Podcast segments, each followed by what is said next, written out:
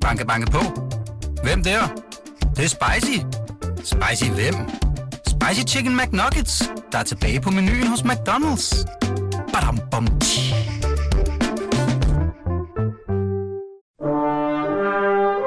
Du lytter til Radio 24 /7. Velkommen til Poesibogen med Knud Brix. Udødelighed, og i mangel på udødelighed, damer. I mangel på damer, sport. I mangel på sport, druk. I mangel på druk, tæv. I mangel på tæv, død og udslettelse. Jerusalems døtre ved gazellerne og ved hjortene på steppen. Al begyndelse er svær, men det her er langt fra en begyndelse. Nærmere en afslutning kunne man frygte, eller i det mindste en fortsættelse.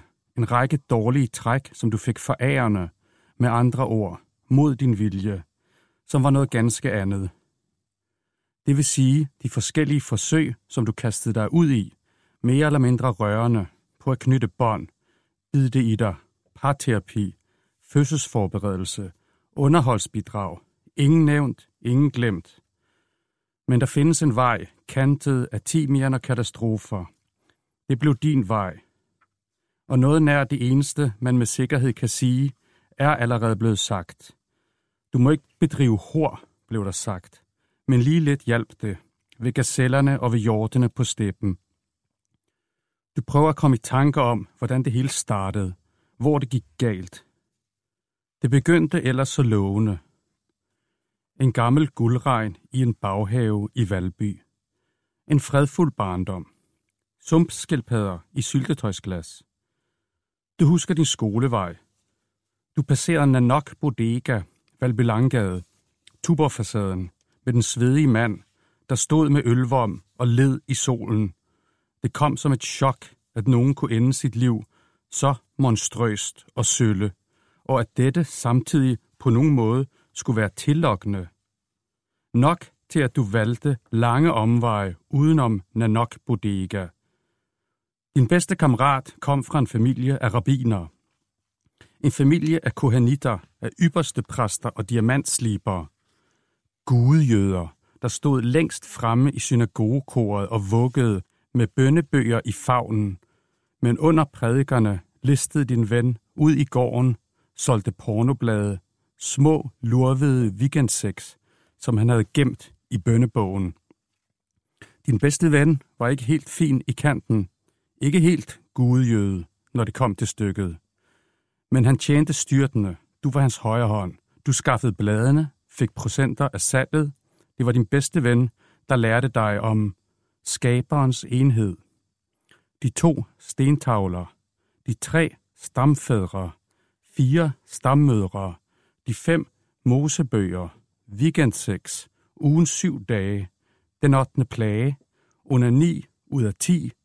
Du delte en fascination for pigernes omklædningsrum med rabinersønnen. Du kravlede efter ham gennem gymnastiksalens udluftningssystem.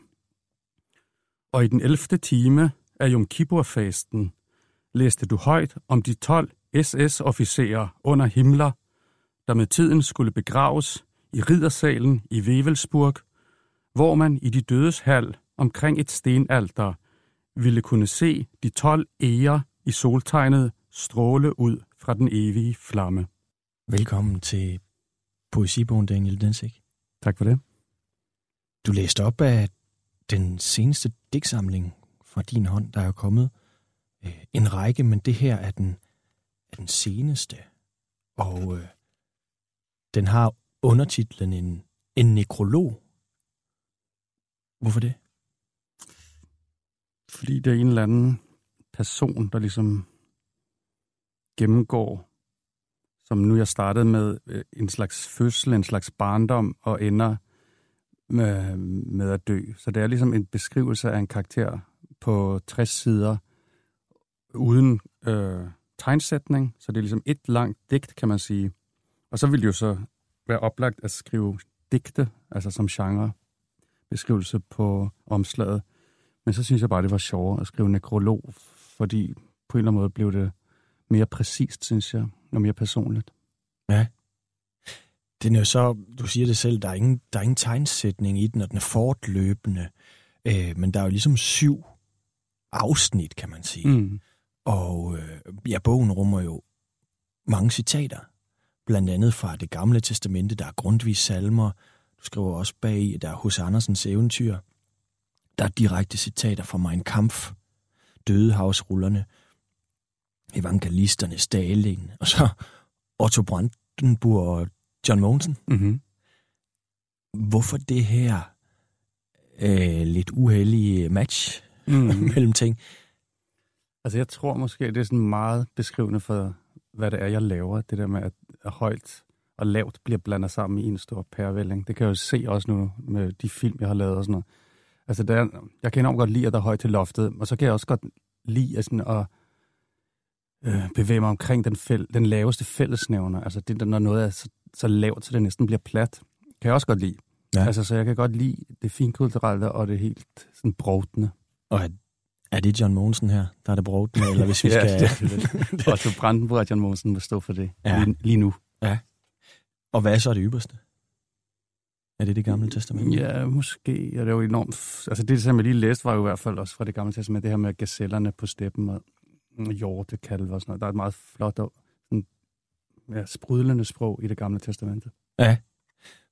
Men når du så har siddet og skrevet den her bog, i den proces, hvordan, øh, altså med så mange referencer, så mange krydsklip, altså hvordan arbejder du med det? Mm.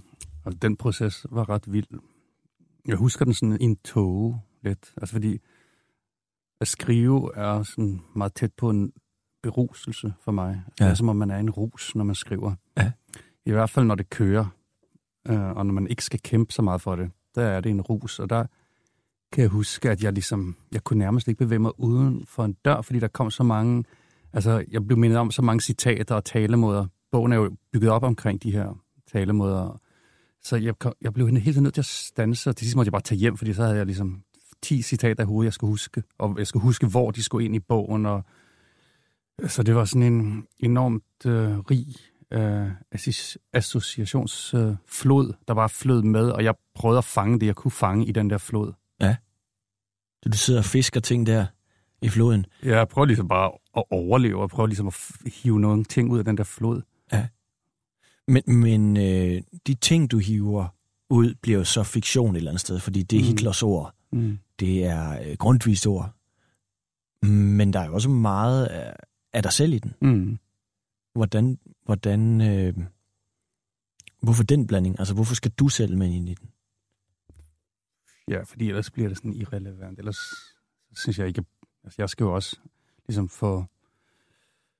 Jeg skal jo selv på komedie, eller hvad man skal sige. Jeg skal selv øh, ligesom risikere det hele, for at jeg skal blive vedkommende for andre. Jeg kan ikke bare sidde og sådan sample en masse andre. Nej.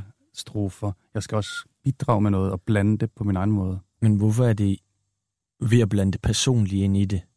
Og den der fornemmelse, du har sagt, at lokummet skal brænde. Mm. Du blev indstillet til øh, politikens øh, litteraturpris for den, og der sagde du noget med, at lokummet skal brænde, før det virker for dig. Altså, det lyder også lidt som en... Det lyder, når man siger det, så lyder det lidt som en kliché på ja. En eller anden måde. Ikke? At Ja. lokum, det er det, man sidder, digteren sidder, og lokummet skal brænde. Men hvorfor er det vigtigt for dig? Altså, jeg har fundet ud af, jo mindre jeg tænker på, øh, altså, hvordan jeg fremstår, og hvordan, ligesom, hvordan må det bliver modtaget, jo mindre jeg tænker på det, desto bedre bliver det, jeg skriver. Ja. Så det er jo også at gå hen et sted, hvor det ligesom ikke er så kønt at være, hvor det er svært at skrive, og det er pinlige ting, man får ud og sådan noget. Det skal man ikke være bange for. Man skal ligesom derhen, man skal ture skrive fra det sted. Øh, og så, så har jeg bare erfaret, at det har øh, været godt for mit virke, at, at ture udsætte mig for det. Fordi så på en eller anden måde, øh, det er jo, der er jo en generositet i det, at man ligesom sælger ud af sig selv, eller hvad man skal sige. Man ligesom Ja. holder udsalgs... Øh, ja, man holder udsalg i sin egen sjæl på en eller anden måde, og så kan folk komme og hive ting, som øh, er ret grimme og smertelige ud af det der udsalg, og bruge dem til noget hjemme ja. hos dem selv. Og så er det irriterende jo spørgsmål, så altså når du bruger dig selv, ikke? Altså øh, når du skriver, at du har du deler en fascination for pigernes omklædningsrum med rabbinersønnen. Mm. er det så, al- altså har du stået i et eller andet omklædningsrum og kigget sammen med en rabinersøn på nogle piger, eller, eller hvor kommer sådan noget fra? Ja. ja, ja. Okay. Øh, ja. Men, men er, det, er det vigtigt for læseren at vide, hvornår det er dig, eller hvornår det er... Eller hvordan skal jeg forstå det? der? Nej, fordi det er jo ikke en nekrolog over Daniel Densik, det er jo ligesom en nekrolog over den her person, som er så beskrevet i du-form Ja. i bogen. Øh, så det er den persons liv, hvor jeg så øser fra mit eget liv, men øser også fra alle mulige andre øh, personers liv. Blev du opdaget, da du stod og lurede i pigernes omklædningsrum? Ja, ja, det kan jeg godt huske. Vi blev ligesom smidt ud, og vi måtte ikke komme Nå. Nå. til gymnastik mere og sådan noget. Okay, okay. Øh, men det er jo sådan på en eller anden måde, øh, det der med at bruge dit eget liv og, og øh, ja, altså koble katastrofen, den endegyldige katastrofe Holocaust, som mm. jo Mhm. også er med, ikke? Mhm. og Hitler. Ja. Du har selv jødisk baggrund. Øh, hvorfor det der med at koble en personlig... Altså, fordi personen her går jo lidt til grunden, ikke? Han prøver at nedlægge en masse damer, og som du siger, han dør. Øh, den ligesom person, der er beskrevet i digtsamlingen. Og så er det jo katastroferne på, på hvad skal man sige, historisk plan, eller Mm. øh, endløsung. De her, hvorfor, hvorfor koble den personlige katastrofe sammen med, med ja, den historiske Hmm. katastrofe? Ja, det korte svar er vel, fordi at det er fordi man ikke må, og fordi det er sådan smagløst, og fordi derfor skal det prøves, synes jeg. Hvorfor, Øh. hvorfor er det smagløst at koble Fordi man kan jo ikke sammenligne sin egen personlige øh, tragedie med, at der bliver dræbt så mange millioner mennesker. Det kan man jo ikke. Øh, Men, men- hvorfor, men, hvorfor så gøre? Altså, hvad? ja, altså men det er jo fordi, der er en tanke med det der med via katastroferne, at man ligesom gennem katastroferne bliver man på en eller anden måde udødelig. Det er jo Ja. ligesom det, der er kongstanken i bogen. Ja. Og det er derfor, Holocaust kan komme med, fordi jøderne ligesom har via de her katastrofer over- overlevet på en eller anden måde. Ja. Øh, og ham her, personen i min bog, også ligesom ser det der med, hans vej til udødelighed går via katastroferne. Men så tænker jeg straks, altså, når du er optaget af det der med, det kan man ikke. Det kan man simpelthen bare ikke blande, blande sammen. Er det så er det så også et forsøg på at provokere? Altså, fordi Mm. du ved, det der må man ikke. Eller, Mm. altså, øh, eller hvorfor tror du egentlig, der kommer... Øh, altså, det er som om, du søger hen imod der, det man ikke må. Ja, Og derfor så... Men det er jo ikke sikkert, der kommer stor litteratur ud af det. nej, Det kan Og være, det det er ender som en ikke, tom øh, provokation. præcis. Det er egentlig ikke for at provokere, tror jeg. Nej. Altså, men jeg har absolut øh, en tilbøjelighed til at ligesom, opsøge ting, der er forbudte. Det har jeg altid haft hele mit liv. Ja. Øh, så det er noget, der tiltrækker mig ved det der, man ikke må. Jeg har altid gjort. Altså, jeg udfordrer jo nok mig selv ved at sætte mig i svære situationer. Og, øh, og jeg ved ikke, om det, der, er- der er ikke rigtig, rigtig nogen strategi i det. Det er noget, der ligger i, sådan, i mit DNA, at sådan er jeg bare. Ja. At øh, jeg vil gerne øh, udfordres. Og jeg vil også gerne udfordre andre. den her bog er jo sådan, kan man sige, øh, den sidste digtsamling, eller det er jo sådan en nekrolog, men som, som er, den er fra 2012. Øh, det er syv år siden. I mellemtiden har du jo lavet øh, film, noveller, romaner. Men hvad, hvad bliver der af Mm. øh, poeten Daniel Densik? Poeten, den ikke trives, tror jeg, i bedste velgående, men digtene ryger jo så ind, eller min, min digteriske side ryger lige nu ind i sådan mere, i større fortællinger, kan man sige. Altså, Ja. ja. i min seneste roman er der jo lange passager, der er sådan meget lyriske. Øh, Nordisk Vildt. Nordisk vildt, ja. Øh, så der synes jeg, og, og, altså de film, jeg laver, handler jo også på en eller anden måde om digtere, synes jeg. Øh, altså jeg har, min hovedkarakter er tit meget sådan digteriske, så så bruger jeg det på den måde. Og der skal Øh. jeg måske også lige komme med, med en disclaimer, fordi din seneste roman, Nordisk Vildt, mødte vi to jo hinanden, og, og jeg lærte dig, eller du var med mig på jagt, Ja. og vi har lært hinanden at kende. Ja. Så noget skal man lige sige, fordi så, så ved folk, at vi kender hinanden. Ja. Ikke? Du skal bare vide, at du får ikke rabat Det godt. af, den, af den grund. Så nu kommer der sådan en, øh, det kunne også være, fordi du ikke har flere digte i dig. Absolut. Jeg har også skiftet forlag, så jeg er også på et forlag, der ikke ligesom, har kutume for at udgive så mange digte. Ja, du skiftet fra Gyldendal til ja. Ja. politikken. Ja. Men derfor Øh. kunne du jo godt skrive poesi. Kunne jeg godt. Lige nu har jeg, øh, altså, Jeg, jeg tror også, jeg kommer til det igen. Ja. Øhm, lige nu har jeg været mere draget af sådan nogle, altså, nogle mere fyldige ting. Jeg kunne godt tænke mig at skrive sådan en langt, langt digt Ja. igen. Altså, jeg synes, lige nu i mit liv, så kan jeg godt rumme ret svære og store og tidskrævende og energikrævende opgaver. Og det er jeg ikke sikker på. Altså, det ved jeg ikke, hvor lang tid jeg kan. Så derfor tænker jeg, at jeg vil bruge den energi, jeg har lige nu, til at gøre de der helt, helt øh, fysisk krævende ting. Ja. Øh, og så vil jeg skrive digte, når jeg ikke kan finde ud af det længere. Okay. Men dermed mener du så også på en eller anden måde, at de store fortællinger, det fysiske, det du søger der, er det vigtigere end poesien? Nej, det synes jeg ikke. Jeg, Nej. synes, altså, jeg var, altså, jeg debuterede som digter, ikke? og jeg Ja. er først og fremmest øh, digter, synes jeg, Ja. egentlig. Øhm, jeg tænker bare, at øh, jeg, jeg, har, jeg har sådan en, altså, jeg føler mig sådan lidt øh, forpligtet til at øh, prøve kræfter med sådan, altså også at lave spillefilm, ikke blive ved med at lave kortefilm, men at lave ligesom, at det store format tiltrækker mig lige nu. Hvor du jo også har lavet øh, Guldkysten, som jo Ja. har visse elementer af noget poetisk i Fibonacci-tallene, øh, den her botanikers optagethed af Fibonacci-tallene, som jo mm. Blandt andet Inger Christensen også var, var inspireret af. Ikke? Jo. Men, men, men du siger, at du har en forpligtelse. Hvem er det, der forpligter dig til det? Det er talentet. Det tror jeg på. Altså, man har et talent, og det forpligter sig, fordi man har taget den meget, meget sindssyge beslutning, at man ikke skal bidrage til verden på andre måder end gennem sit talent. Ja. Altså, det er jo en vild, vild beslutning, og ikke særlig holdbar sikkert. Men hvis man så har taget det valg, så skal man også virkelig gøre sig umage. Du lytter til Poesibogen på Radio 24 med Knud Brix. Hans gæst er forfatteren Daniel Densig.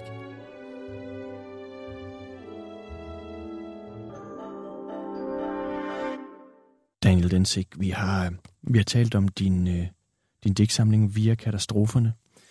Øhm, og øh, jeg kunne egentlig godt en sidste ting, inden vi, inden vi lukker den. Der sker, altså du siger, der er jo sket mange, altså det kan man lave en hel udsendelse om, men der har været katastrofer i dit eget liv, blandt Mm. andet, at du har mistet kontakten til dine to børn, dine tvillinger i Sverige. Øhm, du har skrevet en bog om det, anden person, ental.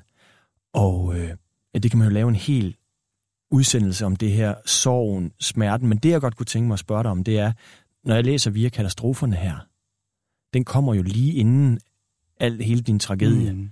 øh, og øh, din, din bog omkring tragedien, at du, du mister dine børn og kontakten til dine børn. Mm. Øhm, den her bog, var den på en eller anden måde profetisk? Ja, det blev den jo på en eller anden meget besynderlig måde. Øhm, og jeg er blevet sådan meget påpasselig, det der med, hvad er det, man skriver? Altså, fordi man skriver også ting frem, når man skriver. Altså, man lokker måske ting frem. Øh, og man flørter jo. Altså, når jeg skriver via katastroferne, så flørter jeg jo også med katastroferne på en Ja. anden måde. Og det er farligt. Og det har også øh, gjort, at jeg ligesom passer på med, hvad jeg skriver lidt mere nu. Altså, for jeg tror, at sk- skriften har sådan en manende kraft. Altså, den kan fremmane ting, og den, den har sådan, en, der er noget besværgende over skriften, Ja. øh, som har, altså for mig er det, har det noget, det er nærmest okult for mig, Ja. øh, hvad skriften kan. Så derfor øh, kan man sige, at så, så, ja, jeg fik ligesom, jeg fik lov til at opleve det, jeg skrev om, før det skete, på en eller anden måde. Du fremmanede katastrofen Ja. med din skrift? Ja. Den der påpasselighed, du siger, du så har fået, hvis, hvis, hvis skriften virkelig kan fremmane Mm. en katastrofe, det tror du fuldt og fast på. Ja. Hvis den kan det,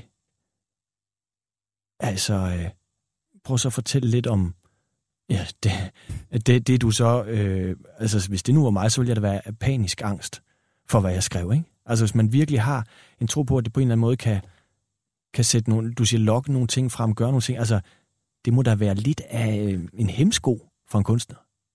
Nej, fordi man kan jo ligesom... Altså, jeg vil ikke skrive noget, hvor jeg har ligesom... Hvor jeg skriver, at min kæreste vil dø, eller sådan noget. Fordi det vil, jeg ønsker jeg ikke, at skal ske, og derfor vil jeg heller ikke ligesom, tage, den, tage det valg i øh, skriften at skrive sådan. Så den, den er på sådan en negativ liste. Ja, din, ja. Altså ja. folk omkring dig kan ja. du ikke lade dø i bøger. Nej.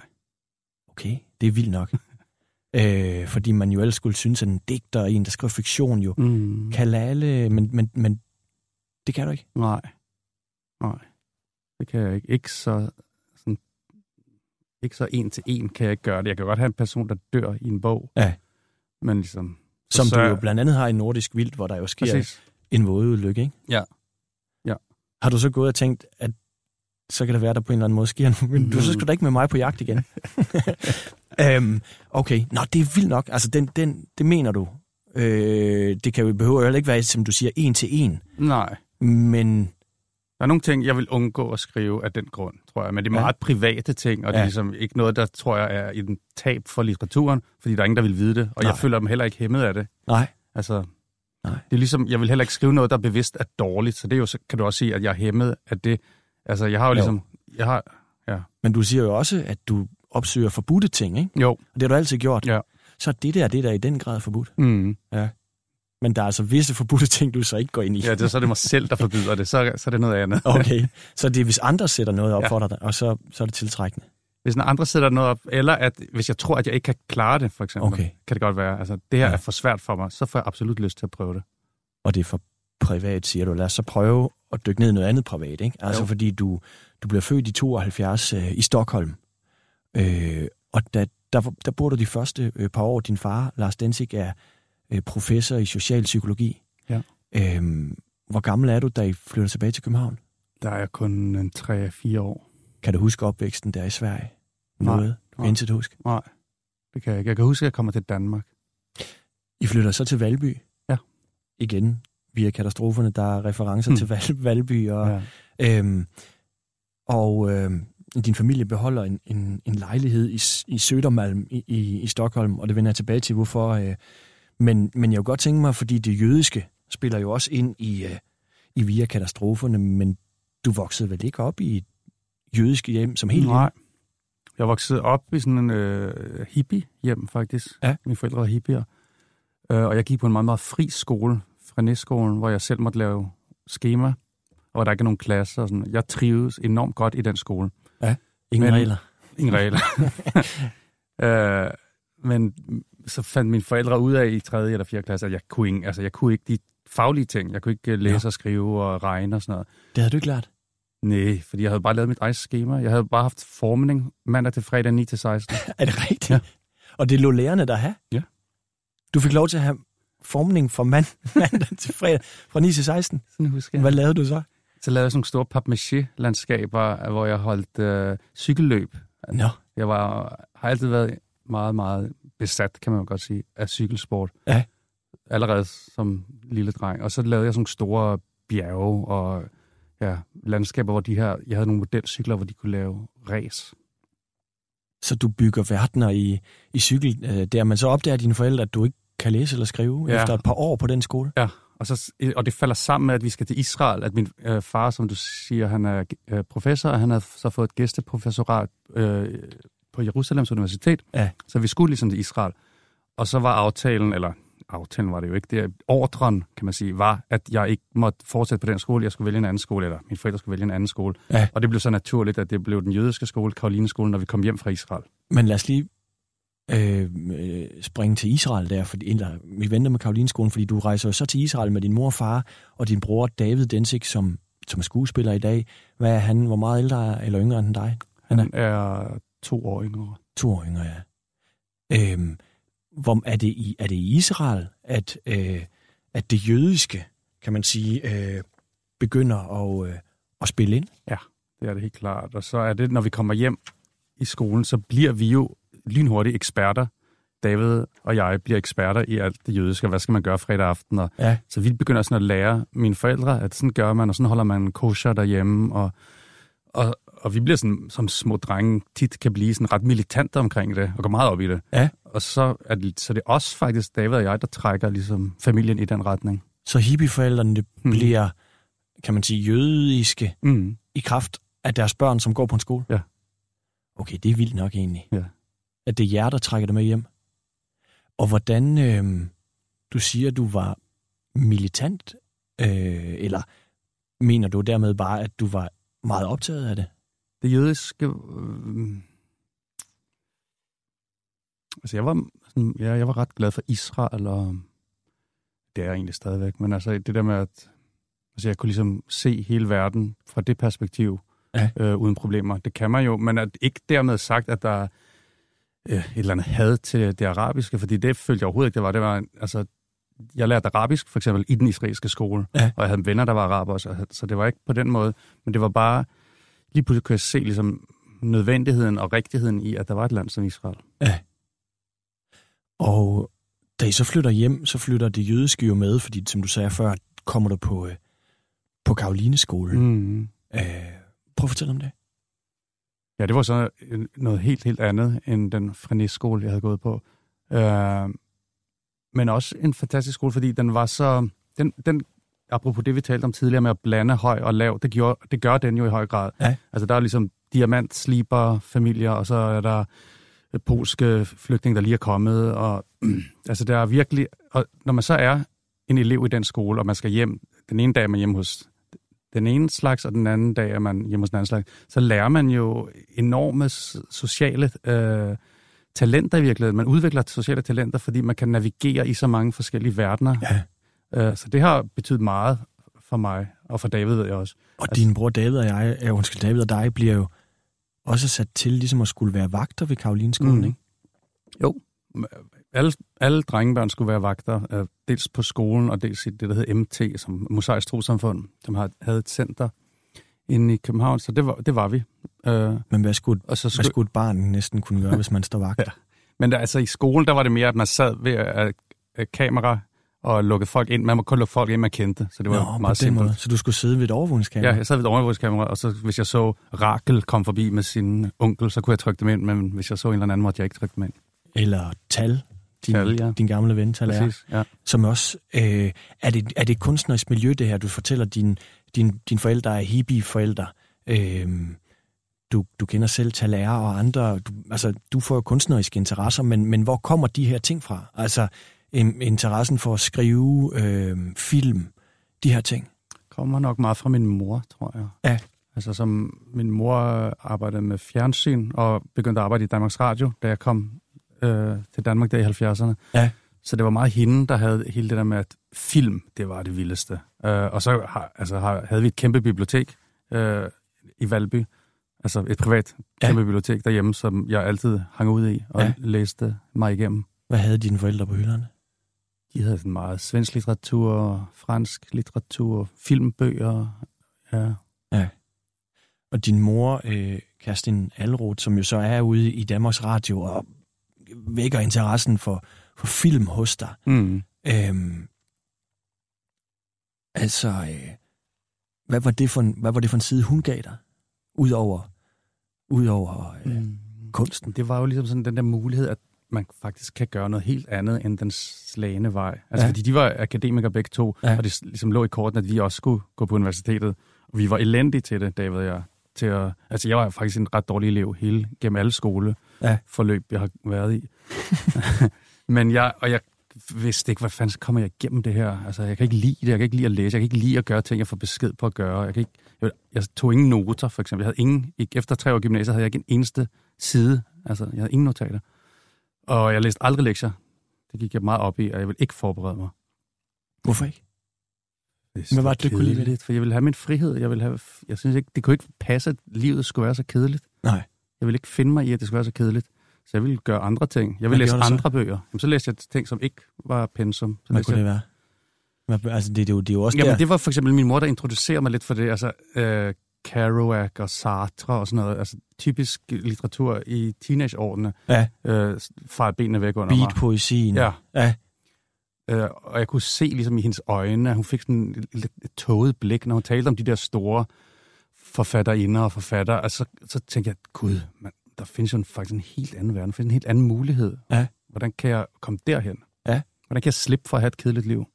Daniel Densik, du, øh, du ender jo med at få et andet andet end, øh, end kedeligt liv, øh, fordi du jo har rejst, du har skrevet, du har lavet film, du har lavet mange ting. Men jeg kunne godt tænke mig at, øh, at høre dig det her med, at du flytter jo til, du flytter til Sverige øh, på et tidspunkt Mm. og begynder at læse.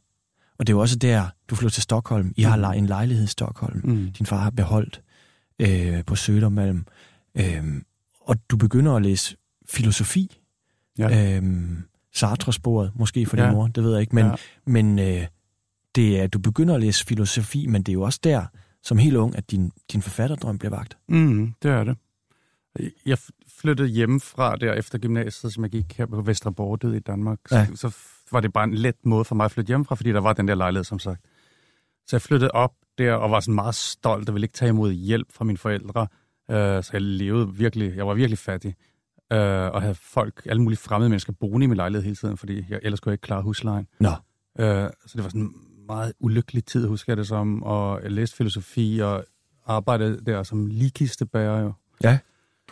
Øh, om du går, dagen, rundt, i- du går rundt i sådan et jakkesæt og Ja. et ligkistebær. Ja, jeg gik rundt i sådan en dårlig jakkesæt hele tiden, og med de der store øh, filosofiske værker under armen. Det så lyder man jo ligesom- også næsten, altså det, man, når man hører det, så lyder det jo sådan næsten, altså er det virkelig, er det jo næsten en kliché, ikke? Ja. Altså, den Øh. jødiske dreng går rundt og er ligkistebærer i store jakkesæt og drømmer om at blive forfatter. Ja. Var du, var du klar over det næsten patetiske i det, eller var du bare ulykkelig? Nej, men jeg var måske draget... det var bare et opslag, der var på universitetet. Vil du tjene penge, eller sådan noget, stod der bare. Ja. Kom og hjælp med begravelser. Så jeg bare, helt klart. Altså, det er da bedre end så mange andre jobs. øh, så det meldte jeg mig bare til, og så skulle man ligesom skynde sig at have... Hvis man havde en rigtig god dag, kunne man have fire begravelser på en dag. Så man kørte rundt i den der metro i Stockholm, ligesom fra den ene begravelse til den anden begravelse. Og jeg var den eneste, der var student. Altså, de alle, alle sammen var sådan plus 70. Og, og, og er, det så, er det så kun i de tilfælde, hvor, hvor der ikke er familie nok til at bære Ja. kisten? Præcis. Det, der hedder offentlige begravelser. Eller, eller nogle gange kunne det også være, at pårørende ikke ville bære. Ja. Kunne det også være. Men ellers var det sådan meget, ret... Øh, Men det lyder jo også ret trist. mm, men ja, lige det job følte jeg ikke var så trist. Det gav mig meget. Altså, det, Hvad gav det det Altså, jeg kunne ligesom mærke livet. Uh, altså, jeg følte mig i live, tror jeg. Ja. Jeg følte, at det var, jeg, jeg oplevede nogle vilde ting. Jeg så mange lig og øh, mange ulykkelige mennesker. Det, det føltes som en, ja, en berigende oplevelse for mig. Men det er, jo også en, det er jo også en vild ting at sige, at det føles berigende at, at møde lige og døde mennesker og opleve mm. personlige tragedier der. Altså, er det, hvor, Men jeg hvorfor tror det jo du, ikke. Jeg prøvede at hjælpe dem, faktisk. Nej, men hvorfor tror du, det er det, der skal til, før du føler dig i live? Det ved jeg sgu ikke. Altså, jeg har vel altid været sådan ret ekstrem i min valg, Ja. tror jeg. Det må man sige. Ja. Øhm, så det var ligesom det vildeste job, jeg kunne få som, som ung mand. Du begynder også at eksperimentere med stoffer. Du bliver jo aldrig sådan, kan man sige, øh, øh, misbruger, men du eksperimenterer jo med alle de der ting også, mm. Som man ikke må. Altså, Mm. øh, øh, og du begynder at skrive. Ja, altså jeg begynder at læse Baudelaire der, og det det er der sådan stofferne kommer ind, for jeg, jeg har altid på en eller anden måde haft en stor ømhed for altså, de mennesker, der har brug for at tage stoffer. Hvorfor? Eller drikke. Altså Janis Joplin og Billie Holiday og Ja. Ted Baker og hele det der. Hvad er det, der fascinerer dig ved det? Jamen, det er jo en eller anden, noget meget smukt egentlig, at man vil ligesom forbedre verden. Ikke? Man vil ligesom lave verden smukkere og skønnere, end den er. Ja. Så det synes jeg, det er sådan, hvis man ser på hensigten, så er det jo sådan meget prisværdig egentlig, grunden til at tage stoffer, at man vil ligesom forbedre Guds værk. Man vil gøre det endnu smukkere. Ja. Det kan jeg sagtens se, og det kan jeg få faktisk ret stor solidaritet med. Og, og hvad tænker du om det der med, at der sådan også er en eller anden myte, altså der er også noget myte i det der, ikke? Baudelaire, og så skal du tage stoffer, eller altså, det er jo også som om, du på en eller anden måde øh, bliver forført af de der, myter, Ja, ja, ja. Af de der myter, ikke? Absolut. Det, Det vedstår du dig. Det vedstår. Okay. Det er jo også der, du bliver, øhm, øh, du bliver, øh, du er jo, kan man sige, halv svensk. Du taler svensk. Øh, du bor i Sverige her. Du bliver også introduceret for svensk Mm. litteratur og poesi af din mor. Og du har taget et enkelt lille kort digt med. Ja. Hvad er det, du vil læse op for os? Jeg vil læse et digt af en, der hedder Jørgen Palme. Jeg kender ikke så meget til forfatteren, men jeg holder meget af det her digt. Det er et meget kort digt. Mm. Mm-hmm. Ja, lad os høre det. Det hedder Havet. Jag står framför havet. Där är det. Där är havet. Jag tittar på det. Havet. Jaha, det är som på Louvren. Der er det. Okay, han kommer, han ser havet, øh, Ja. og så er det sådan lidt, nå, Ja. det er ligesom Louvre. Ja. Hvad du kan lide ved det? Er det, uh, er det Øh. uimponeretheden, eller... Ja, det er så sådan tørt. Og, Nej, det må man sige. øh, det der med, at man har nogle gange kan man have svært ved at påskynde de der ting, som er sådan åbenlyst skønne. Altså, hvis, når noget bliver sådan for, for pænt, så bliver det også sådan, er det ikke også bare lidt ligegyldigt, eller har jeg ikke set det her før? Eller, Ja. Altså, når noget bliver for idyllisk på en eller anden måde. Øh, Ja. jeg, jeg ved ikke, om det er det, Han står prøver. der og kigger på havet, og så Ja, han, og så tænker "Åh, jeg, det er jo ligesom at være på museum, det her, ikke? ja. Ja. Og så er det frækt. Jeg kan godt lide, at det er sådan frækt. Så, Ja, det, det er sådan ret... Øh, det er meget lige... Ja, det er... Ja, jeg så har det sådan en Jørgen Letsk måde, det der med, der er havet. I når havet, ja. Altså det kan jeg godt lide, den der... Og nu siger du det selv, fordi det er jo det, du altid får skudt i skoene, ikke? Altså, du går op i cykelløb, lidt går op i cykelløb. Ja. Du digter lidt og digter. Du laver film, lidt laver film. Mm. Altså, hvad, altså, er det... Øh, har du bevidst jagtet ham? Øh, du kender ham også. Ja, ja, vi er jo faktisk ret gode venner. Jeg, øh, har, ikke, jeg har ikke bevidst jagtet øh, han- hans cykelinteresse, kan jeg jo ærligt sige, fordi jeg kendte slet ikke Jørgen Let, da jeg begyndte at interessere Mm. mig for cykelsport. Øh, men så senere hen, altså, og det er ret faktisk for nylig, har jeg set hans film, og jeg elsker hans cykelfilm Ja. meget højt. Og Ja. jeg elsker mange af hans film, ikke kun cykelfilmene. Og laver jo også selv cykelfilm. Gør du? Præcis. Øhm, så jeg, jamen, han er jo også sådan en, der har vist vejen for, at man kan godt gå en vej, som ikke er den slagende vej, og som bestemt ikke er kedelig, Ja. og få noget ud af det, og få et liv med format. Øh, det synes jeg så er jo måske mere søgt. Altså, Og søger jo, må man i den grad også sige, hen til de forbudte ting, ikke? Altså, Præcis. Jo, så på, på den måde har han nok inspireret mig. Altså, han, Ja. har vist, han har vist, at der er en vej. Men tror du ikke, der sidder nogen derude og siger så, nå, han er bare en- en Jørgen Let-klon, ham der? Jo, sikkert, men så kan de jo bare se mine film eller læse mine bøger, fordi vi er jo meget, meget forskellige, vil jeg Ja, sige. hvordan? Altså, Hvor, altså, altså, med, det kommer an på, hvad vi taler om. ja, altså, digtene. digtene er helt vildt forskellige. Ja, det må man sige. Ja, jeg tror, der er ligesom... Han er jo meget mere nøgtern og tør i det, og måske også mere elegant, det ved jeg ikke, men der er ligesom, jeg tror, der, man kan godt sige, uden at fornærme Jørgen, at der er sådan mere saft og kraft i det, jeg prøver at lave, Ja. tror jeg. Øh, men der er en helt mange andre gode ting ved Jørgen, som der ikke er i mit. Altså, øh, I forhold til cykelfilmer er de jo ret forskellige, fordi han er jo en kommentator og en observatør. Det er jeg slet ikke på den måde. Altså, jeg er jo mere inde i feltet og prøver at fortælle subjektive historier fra feltet. Prøver at fortælle en rytters film. Det er det, jeg har gjort. Nu har jeg lavet tre cykelfilm. Ja. Og de alle sammen ligesom handler om en rytter og vedkommendes måde at leve på at se det at køre på cykel på. Altså det, så jeg, jeg er mere interesseret i ligesom beskrive maskinrummet, hvor han er mere interesseret i at beskrive det som te, det store teater, der. Ja. Men du er vel også interesseret i ensomheden? Ja. Altså fordi, når jeg læser dine ting, eller ser din film, så er der jo, at der er en optagethed af ensomheden. Øh, men jeg ved ikke, hvordan, altså, hvorfor opsøger du den? Mm. Mm, Det er også nok af forskellige grunde, tror jeg. Ikke? Ja. Altså, jeg opsøgte den jo helt klart der i Sverige, øh, som 18-19-årig. Altså, det var vigtigt for mig at bryde igennem en eller anden barriere, som jeg så også brød igennem. Altså, i starten synes man, det er svært at være ensom, mm. fordi det er ensomt. Mm. Men hvis man ligesom kan blive i det og holde ud igennem den første svære tid, så kommer der noget på den anden side, som er ret fantastisk, synes jeg, hvor det begynder at blive meget frugtbart at være ensom. Og det har jeg så opsøgt, når jeg fandt, når jeg brød igennem barrieren og fandt det sted, så har jeg så opsøgt det sted mange gange. Det gør du jo også, da du, øh, altså du, du har drømmen om at blive forfatter, ja. Ja. ender, ender på filmskolen, ikke? Jo. Og bliver uddannet som, som filmklipper. Ja. Øh, men, men da du så er færdig, så opsøger du jo med det samme ensomheden og bor et mm. helt år på Samoa. Ja. Hvor- Hvorfor det? Det er fordi, jeg også ville gå imod strømmen, fordi det, var, det var lige da dogmefilmen havde ligesom øh, banet vejen for danske filmarbejdere, så det ligesom hele verden lå i virkeligheden åben for mig. Og Ja. jeg, tog, jeg tog et par få jobs, en reklamejobs, hvor man blev flånet i, til Madrid og hentet i privatchauffør. og Sådan. Det var ret vilde betingelser. Ja. Bare fordi det var så hot at være dansk filmarbejder. Og det ville jeg så ikke. fordi det var for lidt, eller det var ligesom for, Ja. det var for indlysende, at jeg skulle det. Og jeg ville også skrive en roman. Altså, Du vidste, var- du ville... Ja, jeg vil Du- skrive en bog. Ja. Øh, så satte jeg mig derud i Stillehavet. Jeg har altid været også draget af Stillehavet.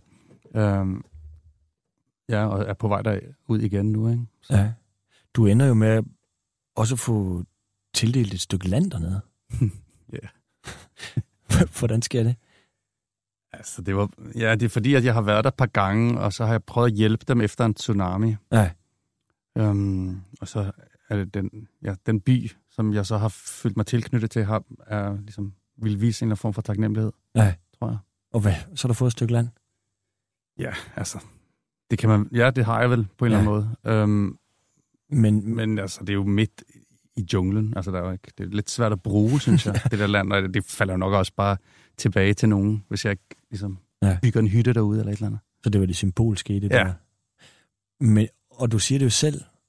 Du, der er jo sket en masse ting i dit liv, men om ja, otte dage eller sådan noget. Mm. Altså her i, i slut oktober skal du, øh, øh, midt slut oktober rejser du til Samoa, nu Mm. med din, med din familie, Mm.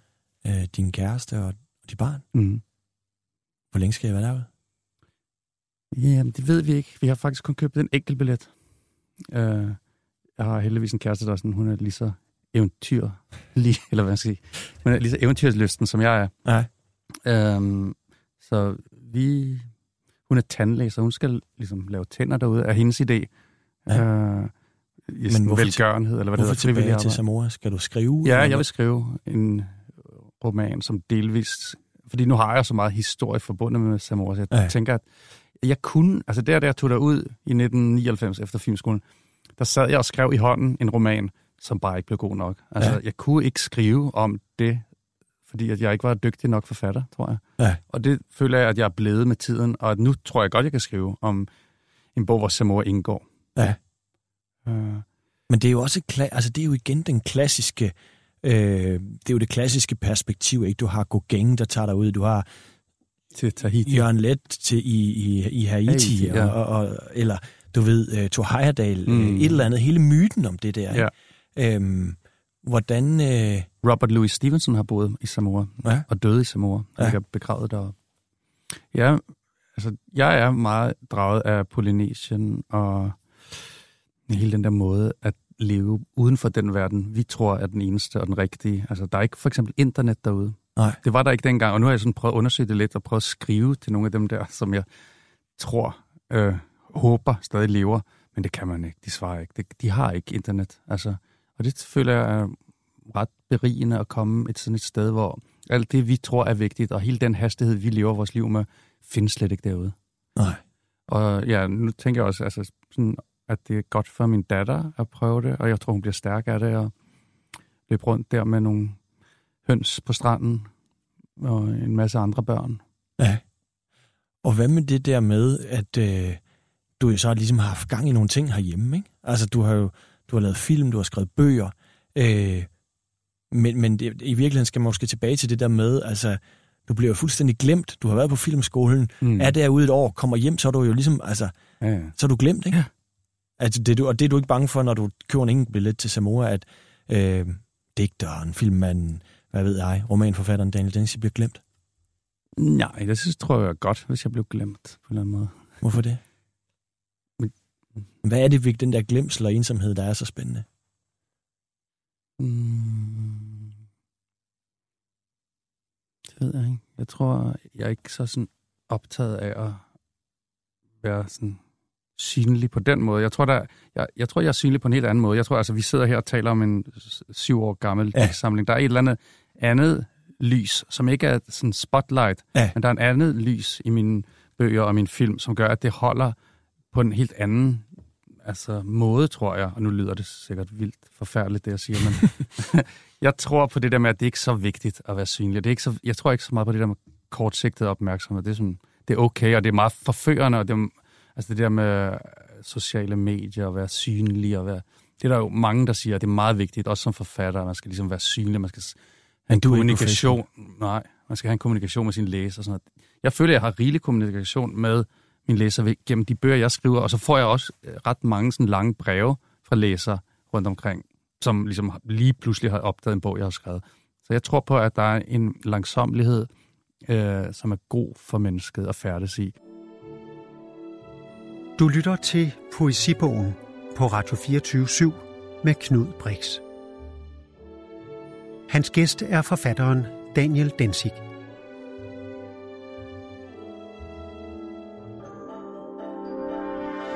Daniel Densig, øh, vi, øh, vi skal nå, og, og, jeg vil godt tænke mig at vende det der med dig med, at du ligesom lidt, du drømmer om at blive forfatter. Den drøm har du Mm. tidligt. Du ender sådan lidt ved et tilfælde med, først læser du filosofi, det var heller ikke lige helt det. Så ender du med at blive filmklipper, Mm. det var heller ikke lige det. Men den der teknik, det der med at klippe, altså er det for meget at sidde og drage nogle paralleller til via katastroferne her, ikke? hvor der jo er meget cut Mm. op. Altså hvad får Mm. du egentlig ud af filmskolen i forhold til at lære at blive filmklipper? Nå, det er du nok ret i. Mm. Filmklipning er skide sjovt for det første. Uh, det er jo minder meget om at skrive, især i dokumentarfilm. Altså der sidder du jo og skaber en verden, som ikke fandtes, før du skabte den, før du klippede den sammen, fandtes den ikke. Um, og så er det et meget koncentreret arbejde, og sådan ret stille arbejde, kan jeg også godt lide. Altså, så det var vel, jeg tror, det har lært mig noget teknik i forhold til at kunne arbejde i lange stræk, arbejde meget alene, og have en eller anden tillid til, at det, man beskæftiger sig med, har en kvalitet. Måske, ikke, måske er den kvalitet usynlig for mange mennesker, meget langt hen ad vejen, og så lige pludselig er der en bog, eller lige pludselig er der en film, og det er så klipperen eller forfatteren, der ligesom har siddet der Mm. alene i sin hule i nogle gange et år, måske eller mere, og så vælter en bog ud, eller en film. Så det kan jeg godt lide, det der med arbejde i det skjulte. Arbejde uden opmærksomhed, uden den der synlighed, altså uden den der, som vi Hvad talte om, det der kortsigtede, ja. hurtige opmærksomhed. Det er man ligeglad med som klipper, og burde man være ligeglad med som forfatter. Men derimod går man efter noget helt andet, dybere, der brænder et andet lys i Hvad- de der ting, synes jeg. Ja, hvad er det for et lys? Det er sådan et lys, der kan transcendensere. Transcenden, Jeg kan sgu heller ikke sige det. Transcendere. transcendensere. Det kan gennemtrænge hvad? Ja, det kan, det, kan, det kan ligesom gennemlyse, det kan belyse øh, nogle dybere livsvilkår, fordi det ikke har haft som hensigt at skabe opmærksomhed lige her og nu. Det har ligesom været ligeglad med opmærksomhed her og nu. Derfor var det også sjovt nu, når du talte om Gauguin og Tahiti. Sådan må han også have tænkt, fordi det var jo i 1800-tallet, ikke, hvor han tog derud øh, og ligesom kæmpede derude. Der var ikke nogen gallerister eller nogen som helst, der kunne se, hvad han lavede. Og han Nej. var også ligeglad med det. Han ville skabe noget, som har, øh, har haft en enorm stor betydning for kunstverdenen efterfølgende, men det var ligeglad for ham med, med berømmelse og synlighed på den måde. Han ville bare gerne leve et øh, vildt og kunstnerisk liv, tror jeg. Ja. Øhm, det tiltaler mig at ikke jage den der øhm, den lette løsning. Ja. Men hvordan, når du så kan mærke, at der er et eller andet transcenderende lys, øh, hvordan kan man bruge det til at skrive på? Det kan man nok heller ikke. Man kan, man kan bruge stillheden, der omgiver det lys til noget. Man kan bruge stillheden i at vælge nogle ting fra til noget, tror jeg. Ja. Man kan bruge og ensomheden og roen, der falder, der falder ind, når man sidder alene med sit, under sin stjerne i timevis, i dagevis, så tror jeg, at øh, man kan bruge det der, eller så tror jeg, at det der lys måske kommer frem på en eller anden måde. At, øh, Men når du taler om et lys, ikke? Altså, så er der vel, altså for mig lyder der umiddelbart næsten som noget religiøst i det. også. mm, det synes jeg nærmest også, det er. Altså, det er jo et kald, synes jeg. Jeg har fulgt mit kald. Ja, det er jo også en stor ting at sige, ikke? Men altså, er det så... Ja, jamen, jeg, jeg, altså, Jeg Ja, tror, jeg vil jeg være ret anerkender- dårlig. Altså, jeg vil være ret dårlig til næsten alle andre job. Og så har jeg så fundet li- lige det, jeg kan finde ud af, og så har jeg fulgt det Ja. i mit liv. hvad betyder det jødiske for dig i dag? Mm. Altså, du skriver jo meget om det i Nordisk Vildt, ikke? Ja, men der, Der er en optagelighed af det. Præcis, der var jeg meget optaget af det. Nu føler jeg det lidt af, den del af det er ligesom udtømt for mig. Nu ligger det i nordisk vildt, og der brænder et eller andet lys i de sider forhåbentlig. Ja. Øh, og så optager det mig ikke så meget lige nu. Øhm, nu er jeg sådan rimelig interesseret i alle mulige andre ting. Altså, nu skal jeg ud til Samoa, og der er de jo meget, der er jo, altså, ydre mission er stærkt derude, ikke? Så der er jo alle mulige frikirkelige bevægelser der, og det er jeg sådan set åben for at finde ud af, hvad, hvad, hvad går det ud på. Mm. Jeg skal ikke konvertere, men jeg vil gerne komme til en gudstjeneste eller to. Men, men, men okay, altså, du er vokset op med det jødiske, ikke? og det har fyldt meget. Nu har du parkeret det i en bog. Ja. At det, er også et, det er også et specielt forhold at have til religion, at det er sådan noget, du kan tage på, undersøge. Ja, du men sådan bruger er det jo heller ikke. Ja, sådan er det heller ikke. Altså, Nej. det, det, er jo en del af min sjæl. Altså, det er en del af, hvem jeg er, fuldstændig. at være altså, religiøs. Ja, ja. Og jeg går gerne med kalot den fredag aften, og du ved, jeg gør en masse ting for mig selv, men altså, jeg kan også godt spise østers, for eksempel. Så jeg, jeg, jeg er jødisk på min egen måde. Ja. Uh, men jeg synes, jeg er et religiøst menneske. Hvordan kommer det ellers til udtryk? I din tænkning, eller? Jamen bare i en eller anden form for ydmyghed over for skabelsen. At uh, man ikke tænker, at man, at man er ikke jordens centrum selv, men at, uh, og man er her af en årsag. Det var også det, vi talte om, det der med, at talent forpligter, og, mm. hvis, og hvis man kan, så skal man forfølge sit kald. Men jeg kan ikke lade være med at tænke på, øh, Daniel Densik, at vi har en hel bølge af sådan, du kunne kalde det økopoesi, ikke? Jeg har haft mange herinde. Ja. Og du er jo også optaget af katastroferne, ikke? Altså via katastroferne. Vi har talt Mm. om din bog. Du har opsøgt jordens undergang i din film fra Grønland, ikke? Mm. Øhm, hvad er det nu, den hedder? Ekspeditionen til Ekspeditionen verdens til verdens ende, ikke? Igen, verdens ende, verdens endeligt. Øhm, men det slår mig ikke, at du egentlig er så ked af, at jorden går under. Eller menneskeheden går under. Præcis. Jeg tror ikke, jorden går under heller. Nej? Nej, det tror jeg ikke. Altså, jeg tror, altså jorden har været udsat for meget, meget vildere ting, end hvad der, end hvad der sker lige nu. Ja. Rent, altså, altså, der har været meget, meget stærk temperaturudsving, end der er lige nu. Men er du, du er da ikke klimafornægt? Nej, nej, jeg tror også, men, altså, jeg tror absolut, at det er menneskeskabt, det der sker lige nu. Ja. Men det, og det er slemt for os, virkelig slemt for os, men altså, jorden skal jo nok klare det. Og det var Mini Grosing, som også er med der, altså forskeren Mini Grosing, Ja. er med i filmen, som sagde der til mig, at altså, menneskeheden er en lille, lille parentes øh, i hele jordens historie, og en sandsynligvis øh, ret ligegyldig parentes.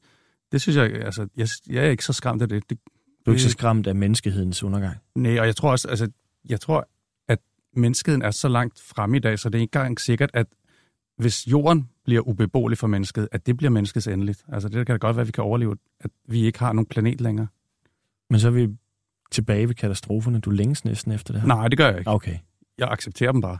Ja. Jeg længst væk, jeg ville da Men hvad ønske... tror du så, der kommer på den anden side? Så øh, gror der træer op igennem de steder, vi har boet? Eller? Ja, så kommer der liv. Ikke? Liv kan ikke... Øh, liv kan, er meget, meget svært at fjerne liv.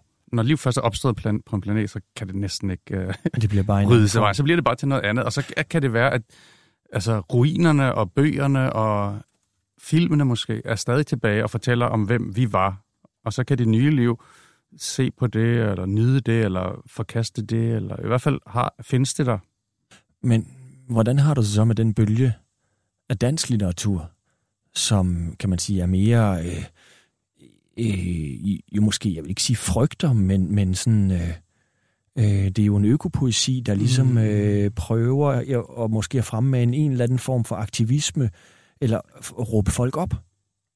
Ja, gør det det? For det er det, jeg er lidt usikker på, om det gør. Ja. Altså, jeg tænker, jeg hørte det program, du havde med Lars Skinnebak, og Ja. jeg kan enormt godt lide Lars Skinnebak. Vi har spillet fodbold sammen i vores ungdomsår.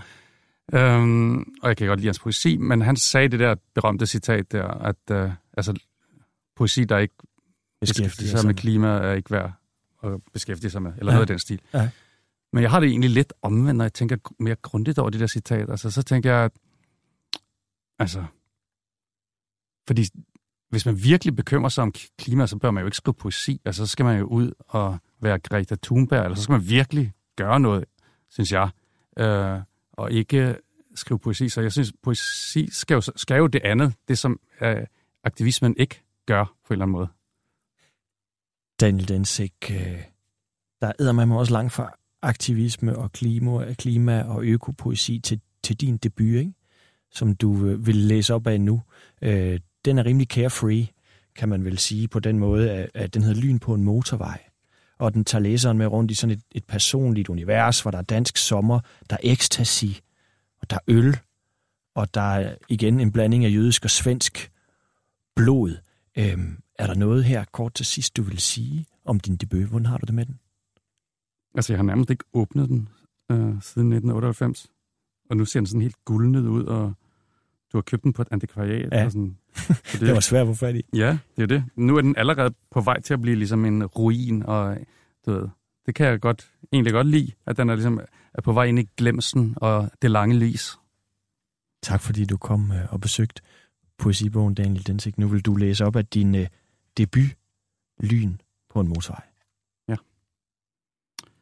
Og øh, det er det første digt i min første bog. Digtet hedder Danmark-Portugal, Rue de Martyr.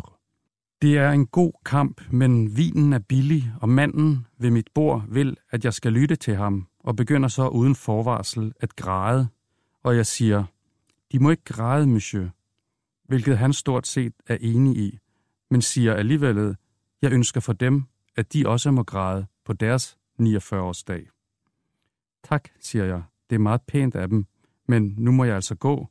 Hvorpå han også må gå, og vil, at jeg følger med op på hans hotelværelse til en hurtig calvado.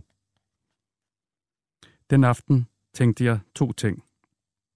Først, hvorfor jeg altid ender låst inde på hotelværelser med gamle sømænd. Bagefter på en film, jeg engang så,